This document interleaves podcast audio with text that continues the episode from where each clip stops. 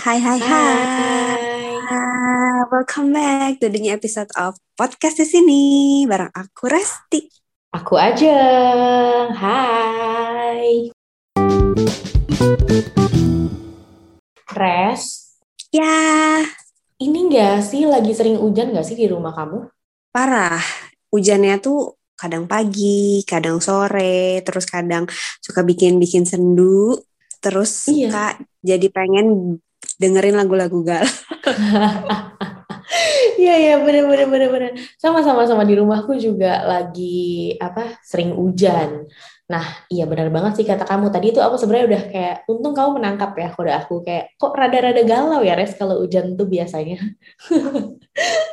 Ya, iya banget. Iya mellow banget gitu ya.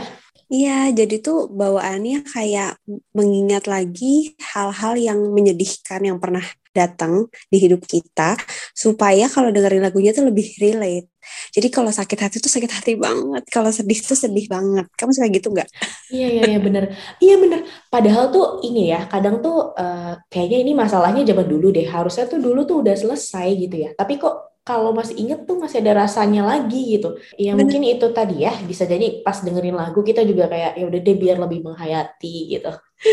Eh tapi ya ngomong-ngomongin kalau kita dengerin lagu gitu, suka denger ini gak sih Res? Kayak beberapa orang tuh akhirnya bener-bener kalut banget gitu loh sama emosi yang lagi dia rasain. Kalau dan lebih kayak kebawa banget, kayak kedalaman gitu kali ya. Mm-mm. Benar, benar, benar, benar. Jadi kayak dia membuka lagi, terbuka lagi luka lamanya, terus karena hanyut sama emosi, dia juga jadi lupa gitu. Padahal kayaknya dulu masalahnya dia udah selesai nih, tapi kok jadi ke trigger lagi nih masalahnya muncul lagi jadi sedih banget. Huhuhuhu. Bisa jadi sedih atau bisa Iya, kayak iya, iya. marah-marah gitu ya, penyesalan. Iya, iya, iya, iya banget. Dan sering banget nih, aku kalau misalnya lagi konsul, itu tuh sering dapetin klien-klien yang juga curhat. Kalau misalnya saking sedihnya atau saking marahnya, tapi nggak tahu harus ngapain, terus ujung-ujungnya kayak nyakitin aja tangannya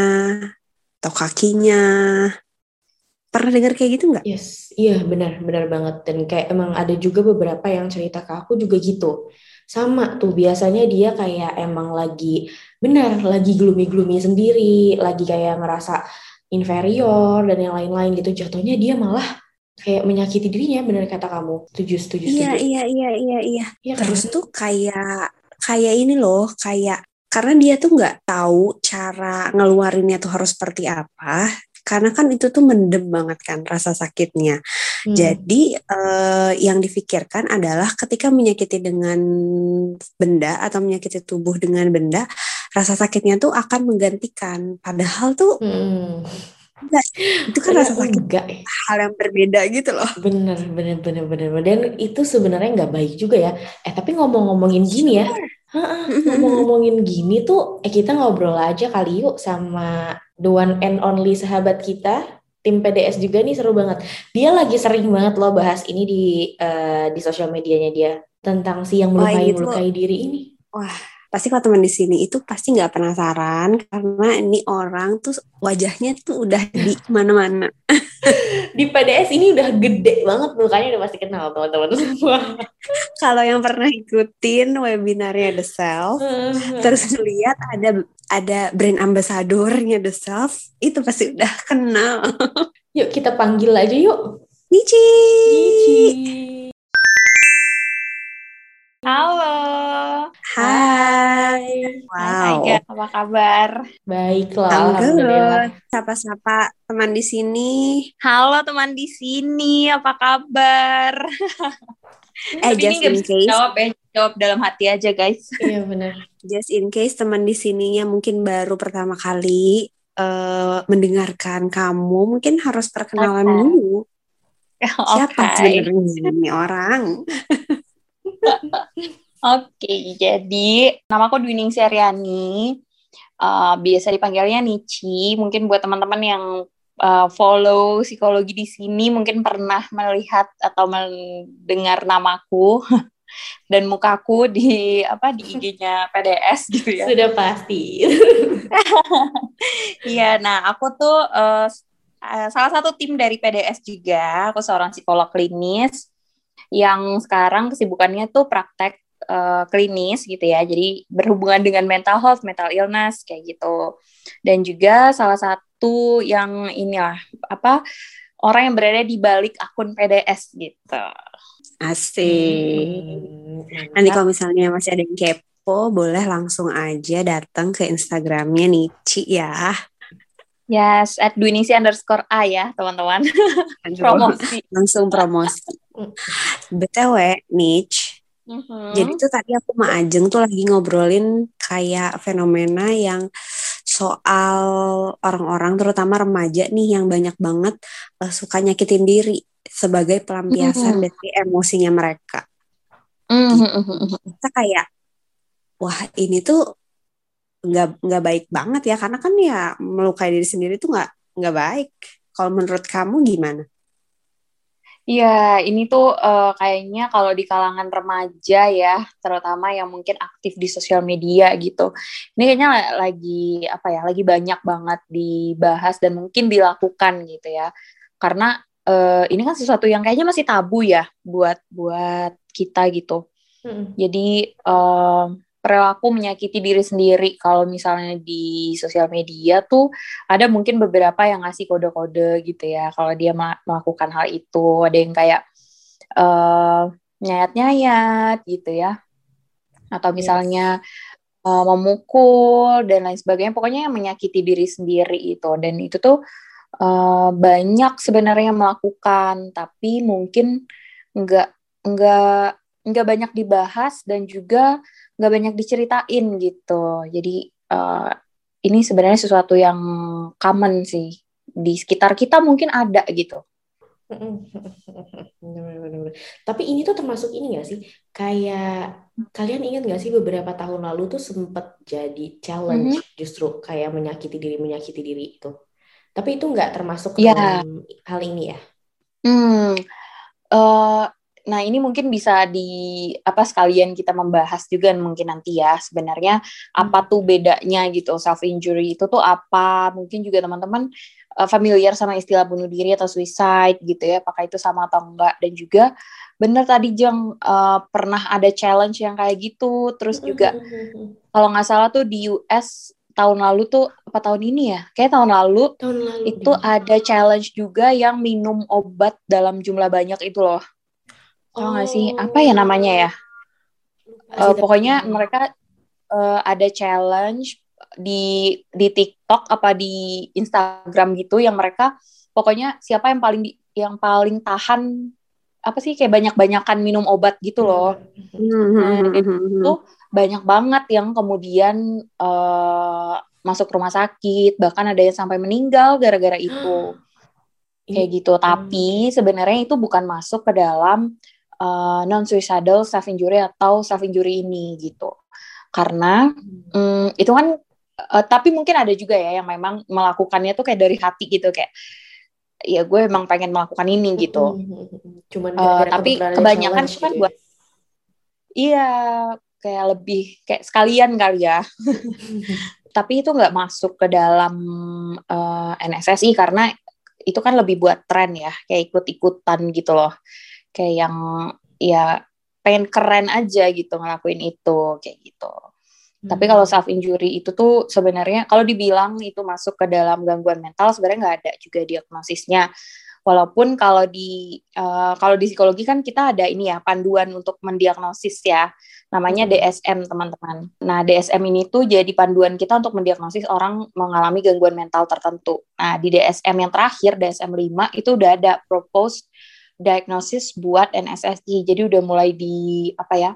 Udah mulai ada penelitiannya bahwa oh ini tuh masuk ke dalam self uh, masuk ke dalam mental illness gitu.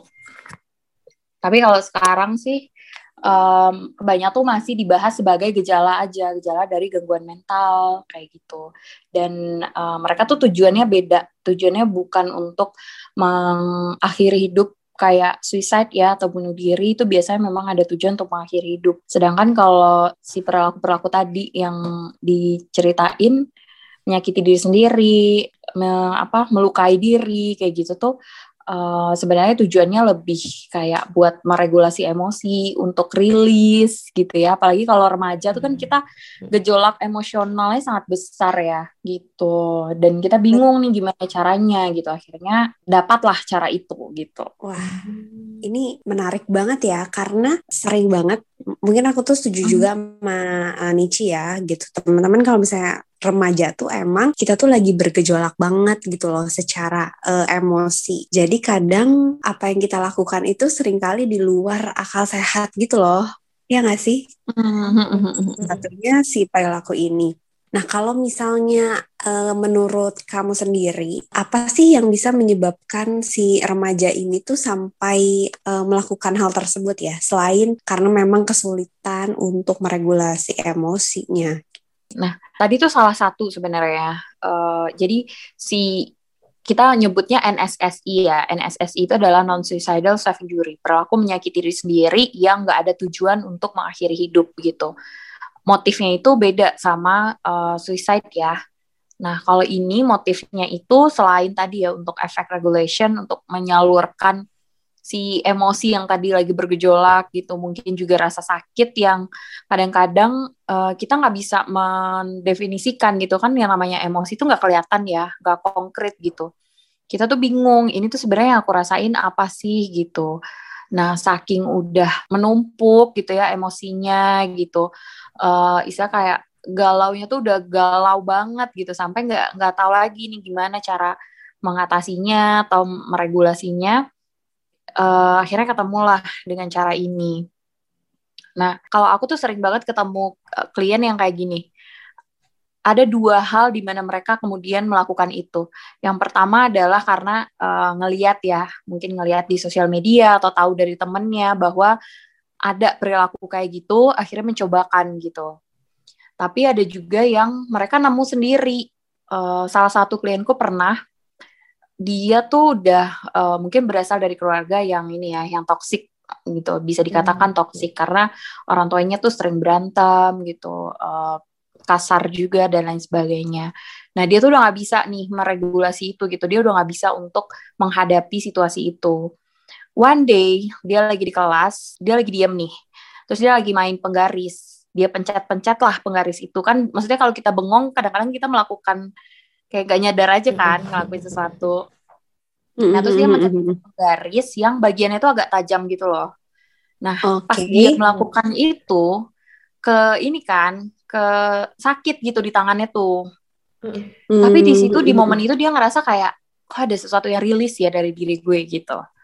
Nah, oh. nyampe rumah dicobain lagi dan akhirnya dia merasakan rilis itu gitu oh ternyata akhirnya belajar kan kayak oh ternyata gue bisa melakukan ini gitu. Dan itu akhirnya jadi kebiasaan untuk melakukan self injury ini gitu. Itu biasanya dua cara orang menemukan itu gitu ya.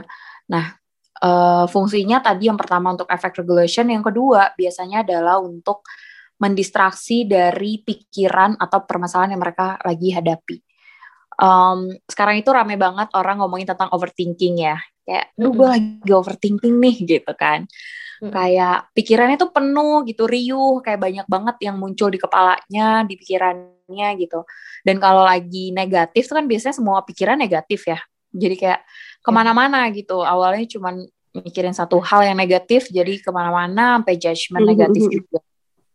Nah akhirnya mereka melakukan itu untuk mengurangi si overthinking itu. Jadi mendistraksi sih sebenarnya bukan mengurangi ya kelihatannya mungkin mengurangi gitu. Oh ternyata pikiran gue nggak sesibuk itu lagi gitu. Tapi sebenarnya itu cuma distraksi. Karena Jadi setelah itu, itu pengalihan sementara aja kali ya. Iya, betul. Mm -mm. Kayak misalnya malam nih, besok pagi juga pikirannya udah balik lagi gitu loh. Karena sebenarnya masalahnya tuh belum selesai kan. Apa yang jadi roots problemnya itu belum selesai gitu. Jadi mm -hmm.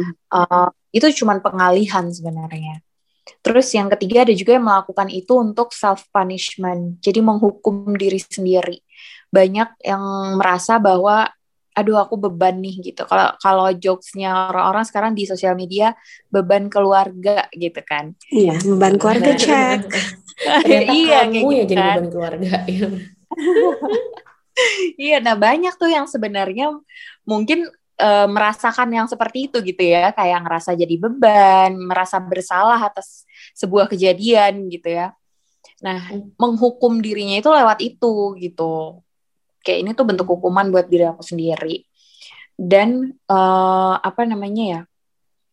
Itu tuh kalau buat terutama buat remaja ya, itu jadi sesuatu yang konkret karena si rasa sakit itu tuh nggak kelihatan kan. Kayak kita nggak bisa lihat rasa sakit rasa nggak nyaman itu nggak bisa lihat gitu.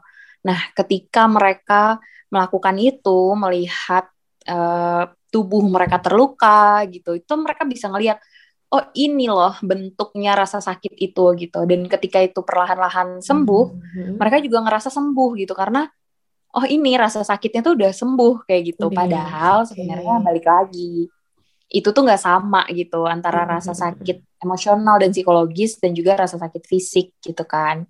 Nah itu hmm. juga uh, beberapa hal yang apa ya yang jadi tujuan atau melatar belakangnya orang melakukan itu. Dan yang terakhir adalah uh, sebenarnya itu bentuk interpersonal um, apa ya ada interpersonal functionnya di situ atau fungsi uh, hubungan kita sama orang lain. Fungsinya itu ada dua. Yang pertama um, untuk mendapatkan perhatian. Dalam hal ini bukan yang caper yang ini ya, uh, bukan jadi negatif ya teman-teman konotasinya gitu. Tapi melalui ini kita merasa bahwa kita bisa berkomunikasi gitu dengan orang lain. Mungkin teman-teman yang dengar pernah ya ada momen di mana kalian nggak bisa mengungkapkan apa yang sebenarnya dirasain gitu. Padahal emosinya hmm. udah bergejolak banget nih, tapi nggak hmm. bisa nyampein itu nggak bisa membentuk kata-kata gitu kan. Hmm. Akhirnya kita melakukan itu merasa balik lagi ya, merasa bahwa saya berkomunikasi dengan orang lain gitu. Saya menyampaikan bahwa I'm not okay gitu atau uh, I'm hurt gitu, menyampaikan bahwa saya tuh lagi terluka loh gitu. Melalui itu gitu. Atau uh, misalnya kadang-kadang ada juga yang misalnya nih dia habis melakukan itu terus ngepost di sosial media gitu kan mungkin orang-orang ngelihatnya, duh caper banget sih gitu kan. Padahal sebenarnya itu adalah a sign for help gitu, kayak bantuin gue dong gitu. Gue udah nggak tahu ngelewatin itu gimana gitu. Sebenarnya bukan hmm. yang caper yang kayak narsistik gitu ya, bukan yang kayak hey lihat gue dong, bukan yang kayak gitu, tapi lebih kayak aku butuh bantuan gitu, tapi aku nggak bisa untuk meng mengungkapkan itu gitu. Kadang-kadang ada yang sebenarnya dia tu tujuannya cuma satu orang atau beberapa orang doang nih yang pengen dikasih lihat gitu. Tapi akhirnya ngepost di di sosial media kan. Karena kayak mungkin teman-temannya atau pacarnya gitu. Kayak gue udah nggak bisa ngasih tahu bahwa gue lagi nggak baik-baik aja gitu. Akhirnya melalui itulah. Itu salah satu interpers interpersonal function dari perilaku ini. Terus yang kedua adalah ya tadi sebenarnya mungkin lebih kayak challenge dalam konteks challenge challenge tadi ya kayak mm-hmm. ya ikut-ikutan aja gitu. Tapi kalau challenge tuh mungkin lebih lebih apa ya? Ada ada challenge-nya kan. Kalau ini tuh kayak biasanya sih oh uh, cool ya kalau teman gue ngelakuin itu kayak berani ya gitu. Ya udah deh gue cobain juga kayak gitu. Biasa lebih kayak gitu sih. Hmm. Gitu. Wah, menarik banget ya. Kayak ternyata hal-hal kayak gini tuh beneran memang uh, kejadian dan makin marak terutama uh, dengan berkembangnya sosial media gitu. Hmm. Apalagi kan uh, remaja tuh kan tipikal yang emang ngikutin ya, niru-niru. Jadi hmm. sometimes juga kan dia ngelihat oh ada orang yang melakukan itu dia coba. Iya gak sih Jeng? Bener banget. Jadi merasa tertantang sebenarnya ya dia mm terus kayak oh gitu. Nah tapi kalau dipikir-pikir kalau yang kayak gitu kan memang berarti ada kita udah bahas juga di res di minggu-minggu yang lalu ya gitu tentang pride gitu tentang di mana dia juga pengen muncul di lingkungan dilihat uh, sosial bahwa dia juga bisa loh ngelakuin itu gitu itu kan berarti dari maksudku itu kayaknya sih ada masalah yang berbeda dengan yang emang sih uh, non suicidal self injury sendiri ini gitu yang melakukan itu yang the real yang ngelakuin itu gitu ya. Mm -mm, mm -mm. Tapi aku tuh jadi uh. agak penasaran deh. Kalau uh, pelakunya itu kalau boleh mungkin uh, lo ada uh, apa ya kayak risetnya kalau dibandingin itu tuh paling marak tuh di usia berapa dan pada gender apa atau mungkin ada kondisi psikologis yang seperti apa gitu? Hmm, oke. Okay. Ya, sebenarnya tuh uh, ini masih sangat uh, berkembang ya kalau kita ngomongin penelitian. Karena uh, ini tuh belum belum terlalu lama, nggak selama misalnya kalau kita ngomongin um, gangguan-gangguan psikologis lain ya, kayak misalnya depresi atau apa itu kan udah lama banget orang meneliti itu. Kalau ini tuh uh, sebenarnya cukup baru dan kayaknya di Indonesia sendiri juga belum sebanyak itu penelitiannya salah satu yang uh, pernah salah satu penelitian yang pernah gue baca itu tentang NSSI itu dilakukan oleh Peterson. Jadi Peterson ini tuh mengkhususkan diri dia untuk uh, mengkaji soal ini gitu. Nah, di dan ini penelitiannya di Amerika Serikat di mana ternyata 55% dari remaja itu pernah melakukan itu gitu. Itu mencengangkan wow. banget kan kayak setengahnya gitu bahkan lebih itu pernah melakukan itu. Uh, dan bentuknya sendiri kan juga sebenarnya banyak banget ya bentuk-bentuk dari NSSI ini gitu atau self injury. Dan um, biasanya itu munculnya di usia remaja awal usia remaja awal sih sebenarnya itu udah muncul si perilaku ini alasannya ya karena di usia remaja itu banyak banget hal yang baru yang kita temui ya. Dan uh, kita belum matang gitu untuk mengelola itu atau meng mengatasi permasalahan-permasalahan yang muncul kan. Dan mm. apalagi yang tadi ya kayak secara perkembangan juga kan kita kayak secara emosional lagi bergejolak banget gitu. Terus remaja itu tuh ngerasa bahwa uh, mereka itu jadi spotlight gitu kan. Kayak ngerasa dunia tuh ngeliatin gue gitu. Akhirnya hmm. jadi apa ya ngerasa masalahnya itu tuh jadi semakin berat gitu. Karena kok semuanya berpusat di aku ya gitu kan. Nah hmm. uh, itu tuh yang yang muncul gitu. Nah terus um, secara karakteristik kali ya kayak apa sih gitu karakteristiknya orang yang um, melakukan ini um, paling tadi yang pertama tuh paling jelas adalah uh, masalah perkembangan sebenarnya Dis developmental disabilities. Jadi mereka-mereka uh, yang memang mengalami permasalahan dalam masa perkembangannya gitu. Uh, kayak tadi dengan gimana cara meregulasi emosi paling besar tuh tujuannya sebenarnya untuk itu ya untuk meregulasi emosi gitu untuk mentoleransi stres gitu nah ketika itu tuh uh, mungkin dysfunction atau gagal gitu ya akhirnya larinya ke situ gitu. Terus yang kedua uh, kalau di luar negeri ya banyaknya itu adalah terkait dengan eating disorder. Jadi karena itu dekat banget dengan fisik ya.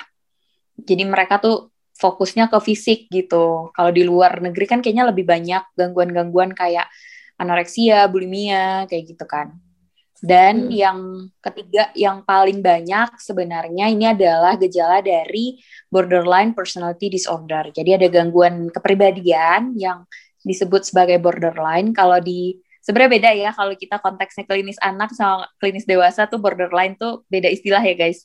Eh istilahnya sama tapi maknanya beda gitu. nah kalau yang ini itu uh, gangguan kepribadian borderline. Jadi ada sebenarnya cirinya adalah ada ketidak stabilan di dalam pemaknaan terhadap diri sendiri gitu. Yang akhirnya di meningkatkan kecenderungan untuk melakukan perilaku-perilaku yang beresiko tinggi salah satunya ini menyakiti diri sendiri kayak gitu dan paling utamanya itu biasanya berkaitan dengan kayak kecemasan, terus depresi kayak gitu, terus trauma biasanya kayak gitu sih karena itu kan erat banget dengan emosi gitu. Hmm, tapi ini ya, Nici bukan gini teman-teman. Tadi mungkin Nici menyampaikan uh, beberapa karakteristik seseorang yang bisa melakukan NSFI mm gitu ya. Tapi enggak enggak dengan misalkan kalian pernah melakukan itu satu kali atau beberapa kali, terus tiba-tiba langsung jajan aku ber gimana ya maksudnya enggak bisa judgement mm gitu juga ya Nici gitu. Itu adalah orang-orang ya, karakteristik orang yang melakukan, tapi tidak bisa dibalik bahwa saat kamu sudah pernah melakukan itu berarti kamu adalah orang-orang yang demikian itu masih butuh mm-hmm. ini ya apa uh, proses yang banyak lagi deh untuk mengetahui itu gitu sih teman-teman. Mm-hmm. Yeah. tapi ini nih Ci. sekali. Terus aku jadi penasaran juga sih mm-hmm. gitu. Tadi kamu juga udah sempat ngomongin gitu. Ada beberapa orang yang uh, akhirnya ngepost itu di media sosial gitu kan uh, bahwa dia misalnya mm -hmm. sudah melukai dirinya terus dipost di media sosial gitu. Nah aku juga masa mencoba memikirkan gitu ya kalau misalnya aku yang menerima pesan itu aku akan berespon seperti apa ya gitu. Dan mungkin benar beberapa mm -hmm. teman-teman akhirnya bilang kalau ih ini anak caper banget sih aneh banget atau gimana gitu. Maksudnya dengan aneh itu dalam tanda kutip kata-kata ini ya bukan aneh dari aneh cuman kan kata-kata ungkapan antar temen mm -hmm. aja gitu. Maksudnya ini kenapa sih dia kok kayak gini? gitu. Nah tapi kan itu mm. sebenarnya ada yang miss ya Nici gitu. Ternyata tadi yang kamu sampaikan bahwa saat seperti itu tuh sebenarnya teman kamu tuh justru lebih eh, apa lagi butuh pertolongan loh gitu. Lagi nggak nggak sadar dengan dirinya dia sendiri apa yang dia lakukan gitu. Nah aku tuh sebenarnya pengen gini sih. Ini aku karena aku ada pengalaman juga sih dari konsul juga gitu ya untuk tentang si NNS, NSSI ini gitu. Jadi posisinya di mana remaja ini sebenarnya dia tuh tahu loh bahwa uh, hal ini tuh nggak hmm. baik ya aku lakukan gitu. Tahu dia tahu banget bahwa itu hmm. hal yang uh, tidak baik. Tapi tuh di saat eh, apa ya ada konten emosi yang ada dalam dirinya itu tak dia tuh jadi bisa loh ngelakuin itu lagi gitu. Maksudku kayak kamu eh, mungkin punya sesuatu yang bisa jelasin ke teman-teman juga gitu tentang si kondisi itu gimana sih? Maksudku kayak uh, siapa tahu ada orang yang lihat terus dia bilang apaan sih? Ini orang harusnya kan dia tahu kalau ini nggak baik gitu. Tapi kok dia ngelakuin kayak gitu ya gitu sih sebenarnya. Itu yang aku aku juga penasaran sih Oke, okay, iya. Ini kayaknya mewakili pertanyaan banyak orang ya, Jeng ya. Karena yeah. um, kadang-kadang kita memang sulit untuk memahami gitu kayak udah jelas-jelas itu perilaku yang yang tidak baik gitu ya, tidak baik untuk diri mereka sendiri dan mereka tahu tapi kenapa gitu, kenapa masih dilakukan gitu kan. Mm -hmm. Jadi um, NSSI atau self injury ini self harm gitu ya. Mungkin teman-teman lebih kenal istilah self harm juga. Ini bukan sesuatu yang sesimpel kayak oke okay, gue ngerasain sakit dan gue ngelakuin itu gitu. Walaupun tadi kita udah bahas ya tentang kenapa orang melakukan itu gitu. Tapi itu sebenarnya dinamikanya tidak semudah itu. Karena um, kita itu kan sebenarnya akumulasi dari pengalaman-pengalaman kita juga di masa lalu gitu kan. Uh, terus juga belum lagi genetik kita seperti apa gitu, ke lingkungan keluarganya seperti apa, pertemanannya seperti apa gitu. Nah, itu tuh su sulit sebenarnya untuk menggambarkan dinamika sampai muncul si perilaku ini gitu loh. Bukan sekedar kayak uh, ya tinggal segampang melukai aja gitu. Karena kebayang gak sih teman-teman kita kesayat silat dikit aja tuh rasanya kayak aduh sakit banget gitu. Sakit banget. Kayak aduh gimana nih gitu kan. Atau kita ketusuk jarum deh pasti kayak langsung teriak kan. Gimana gimana kita kayak bayangin deh sesakit apa yang mereka rasain sampai mereka tuh bisa melukai diri mereka sendiri gitu. Itu tuh courage-nya sangat sangat besar sebenarnya sampai mereka bisa melakukan itu gitu kan. Jadi ketika kita ngelihat orang yang mungkin melakukan itu gitu, uh, kita bisa ngebayangin bahwa mereka itu lagi dalam kondisi emosional yang sangat bergejolak sebenarnya gitu. Bergejolak itu dalam artian kayak rasa sakit ya mungkin sakit emosional ya, kayak sakit banget gitu. Hmm. Dan uh, biasanya itu ya banyak apa but sebenarnya butuh mungkin butuh perhatian gitu khususnya untuk teman-teman yang mungkin tadi ya mengposting itu di sosial media gitu.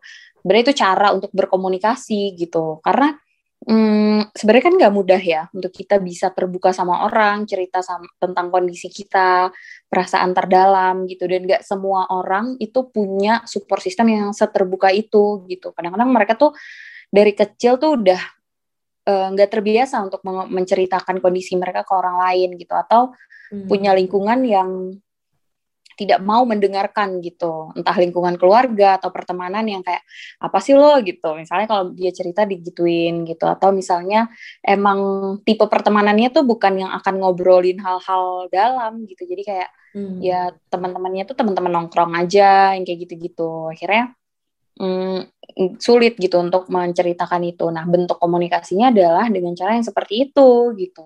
Hmm. Jadi itu sebenarnya adalah bentuk di mana mereka menyampaikan bahwa I need helps gitu. Walaupun nggak selalu kayak ini ya, bukan berarti kita juga yang harus menyelesaikan masalah mereka atau gimana gitu, enggak gitu loh.